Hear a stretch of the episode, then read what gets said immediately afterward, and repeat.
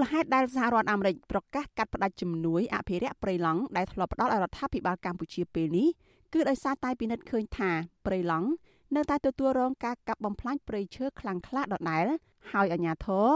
បានធ្វើទុកបុកម្នេញឥតស្រាកស្រានលើសហគមន៍មូលដ្ឋាន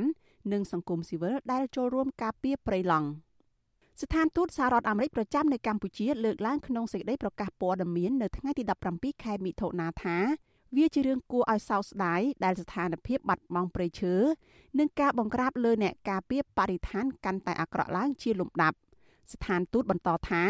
ទោះបីជាភ្នាក់ងារសហរដ្ឋអាមេរិកសម្រាប់ការអភិវឌ្ឍអន្តរជាតិ USAID បានជួយគាំទ្រឲ្យមានការដើរល្បាតការបណ្ដុះបណ្ដាលដល់ផ្នែកអនុវត្តច្បាប់និងការរៀបចំបង្កើតប្រព័ន្ធគ្រប់គ្រងតំបន់ការពារថ្នាក់ជាតិចាប់តាំងពីឆ្នាំ2016យ៉ាងណាក៏ដោយក៏ដែនជំរកសត្វព្រៃព្រៃឡង់ នៅតែបាត់បង់ផ្ទៃដីជិត40000ហិកតាឬជិត9%នៃគម្របព្រៃឈើរបស់ខ្លួនដដែល ជាងនេះទៅទៀតស្របពេលដែលការកាប់ឈើខុសច្បាប់នៅតែបន្តកើតមានទាំងក្នុង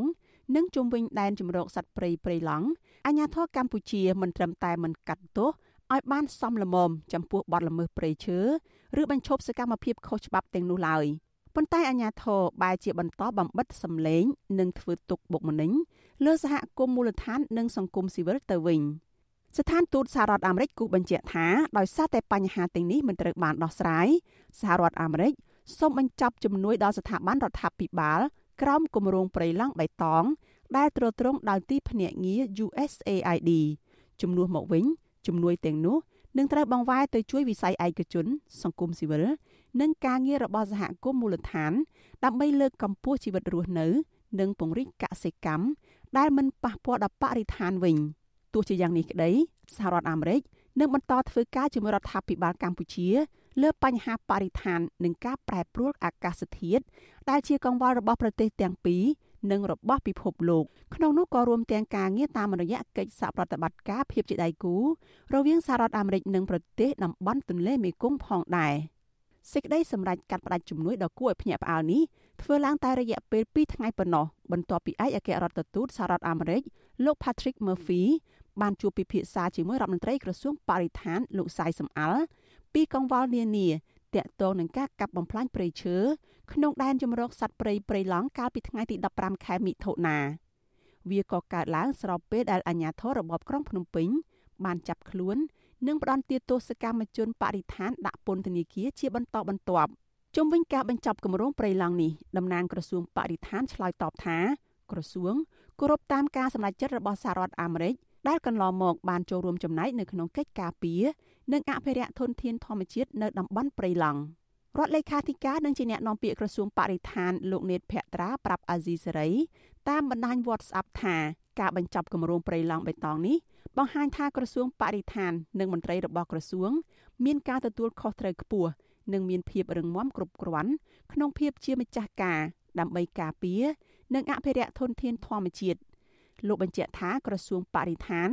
នឹងបន្តបេសកកម្មដោយទទួលខុសត្រូវខ្ពស់និងវិជ្ជាជីវៈក្នុងការគ្រប់គ្រង និងអភិរក្សតំបន់ដែនជម្រកសត្វព្រៃព្រៃឡង់និងតំបន់ការពារធម្មជាតិផ្សេងទៀត សម្រាប់មនុស្សចំនួនក្រោយមន្ត្រីជាន់ខ្ពស់ក្រសួងបរិស្ថានរូបនេះនៅតែបដិសេធថាបទល្មើសធនធានធម្មជាតិទ្រង់ទ្រាយធំ នៅតំបន់ព្រៃឡង់និងតំបន់ការពារធនធានធម្មជាតិដទៃទៀតលែងកើតមានទៀតហើយប៉ុន្តែក្រសួងទទួលស្គាល់ថា នៅមានបទល្មើសទ្រង់ទ្រាយតូច បន្តកើតឡើងទោះជាយ៉ាងណាសហគមន៍ព្រៃឡង់និងមន្ត្រីអង្គការសង្គមស៊ីវិលចាត់ទុកការបកស្រាយរបស់តំណាងក្រសួងបរិស្ថាននេះ ថាជារឿងមិនត្រឹមត្រូវនិងខ្វះការទទួលខុសត្រូវតំណាងបណ្ដាញសហគមន៍ព្រៃឡង់ខេត្តកំពង់ធំលោកហ៊ឿនសុភីបអះអាងថាបទល្មើសព្រៃឈើនៅក្នុងតំបន់ព្រៃឡង់នៅតែកើតមានឥតឈប់ឈរហើយអាជ្ញាធរបន្តគៀបសង្កត់សហគមន៍ព្រៃឡង់មិនឲ្យធ្វើសកម្មភាពការពារព្រៃឈើបានដោយសេរីនោះឡើយលោកយល់ថាការសម្រេចចិត្តរបស់សហរដ្ឋអាមេរិកនៅក្នុងការកាត់ផ្តាច់ជំនួយទៅរដ្ឋាភិបាលក្រោមគម្រោងព្រៃឡង់នោះគឺជារឿងត្រឹមត្រូវព្រោះគម្រោងនេះ នឹងបរាជ័យនៅទីបំផុតការសម្រេចចិត្តរបស់ USAID ឬក៏សហរដ្ឋអាមេរិកខ្ញុំគិតថាជារឿងត្រឹមត្រូវមួយដោយសារជំនួយលុយទៅលើរដ្ឋាភិបាលក៏ដូចជាក្រសួងបរិស្ថានតើតើនឹងការការពារអភិរក្សធនធានធម្មជាតិវានិយាយពីលទ្ធផលនេះវាអត់បានជោគជ័យណាដោយសារកន្លងមកគឺយើងឃើញថាទោះបីជាលុយរដ្ឋាភិបាលខ្លួនឯងឬក៏លុយជំនួយពីបរទេសវាធ្វើឲ្យធនធានធម្មជាតិវាកាន់តែមានការបាត់បង់ទៅ មិនបានឆ្លើយតបជាមួយនឹងដូចឈ្មោះអភិរក្សឬក៏ដូចឈ្មោះតំបន់ការពារស្រដៀងគ្នានេះដែរប្រធានផ្នែកកម្មវិធីស្រាវជ្រាវនិងតស៊ូមតិនៃសមាគមបណ្ដាញយុវជនកម្ពុជាលោកហេងកំហុងសង្កេតឃើញថាការបដិជំនួយរបស់សហរដ្ឋអាមេរិកនាពេលនេះឆ្លុះបញ្ចាំងថាសហរដ្ឋអាមេរិកគ្មានជំនឿលើកិច្ចការការពារដែនជម្រកសត្វព្រៃព្រៃឡង់ពីសំណាក់ក្រសួងបរិស្ថាន និងបារម្ភពីការបង្ក្រាបរបស់អាជ្ញាធរទៅលើអ្នកការពារព្រៃឈើ លោកយល់ថាការសម្ដែងរបស់សហរដ្ឋអាមេរិកនេះគឺជាការពញ្ញាអារម្មណ៍រដ្ឋាភិបាលកម្ពុជាឲ្យគិតគូរឡើងវិញពីរឿងការពារព្រៃឈើព្រមទាំងបង្ហាញពីដំណាភាពនិងការទទួលខុសត្រូវរបស់សហរដ្ឋអាមេរិកក្នុងនាមជាម្ចាស់ជំនួយ។ ជាទំនួលខុសត្រូវចំពោះសង្គមជាទំនួលខុសត្រូវក្នុងនាមស្ថាប័នសាធារណៈខ្ញុំយល់ថាក្រសួងបរិស្ថានខ្លួនឯងនឹងគួរតែធ្វើការឆ្លុះបញ្ចាំងហើយពិនិត្យទៅមើលថាតើអ្វីដែលសហរដ្ឋអាមេរិកនិងអង្គការសង្គមស៊ីវិលនានាបានលើកឡើងនឹងវាត្រឹមត្រូវកម្រិតណាហើយខ្លួនបានអនុវត្តយ៉ាងដូចម្ដេចហើយបន្ទាប់មកធ្វើការកែតម្រង់បាទស្មារតីជាអ្នករដ្ឋបាលស្មារតីជាអ្នកការពារប្រយោជន៍សាធារណៈគួរតែទទួលយកអនុសាសន៍នានាដើម្បីធ្វើការកែលម្អបាទមិនមែនតាំងខ្លួនឯងជាតួឯកតែម្នាក់នៅក្នុងកិច្ចការពារទុនធានធម្មជាតិនោះទេបាទគម្រោងព្រៃឡង់បៃតងគឺជាគម្រោងអភិរក្សបរិស្ថាននិងជីវៈចម្រុះនៅតំបន់ព្រៃឡង់ដែលមានផ្ទៃដីជាង4សែនហិកតាលាតសន្ធឹងលើខេត្តចំនួន4រួមមានខេត្តកំពង់ធំ ព្រះវិហារក្រចេះនិងខេត្តស្ទឹងត្រែងគម្រោងនេះទ្រទ្រង់ថវិកាដោយទីភ្នាក់ងារសហរដ្ឋអាមេរិកសម្រាប់ការអភិវឌ្ឍអន្តរជាតិគម្រោងនេះមានរយៈពេល5ឆ្នាំដោយចាប់ផ្ដើមអនុវត្តកាលពីខែសីហាឆ្នាំ2018 និងគ្រោងបញ្ចប់ទៅវិញ នៅឆ្នាំ2023ថវិកាសម្រាប់អនុវត្តគម្រោងនេះមានចំនួនជាង21លានដុល្លារទោះជាយ៉ាងណា ការអនុវត្តគម្រោងនេះមានភាពចម្រូងចម្រាសខ្លាំងដោយសារបណ្ដាញសហគមន៍ព្រៃឡង់ចោតប្រកាន់ថា ទីភ្នាក់ងារ USAID មិនបានធ្វើការងារផ្ទាល់ជាមួយពួកគាត់ទេខណៈអាជ្ញាធរបានបិទមិនអោយពួកគាត់ចុះល្បាតព្រៃឡង់ឡើយនៅក្នុងរយៈពេលជាង2ឆ្នាំចុងក្រោយនេះ។ មន្ត្រីជាន់ខ្ពស់សមាគមបណ្ដាញយុវជនកម្ពុជា លោកហេងកឹមហុងថ្លែងថាប្រទេសម្ចាស់ជំនួយនិងដៃគូអភិវឌ្ឍន៍ដទៃទៀតគួរតែពិនិត្យមើលឡើងវិញអំពីជំនួយរបស់ខ្លួននិងហ៊ានជជែកឲ្យបានស៊ីជម្រៅជាមួយរដ្ឋាភិបាលកម្ពុជា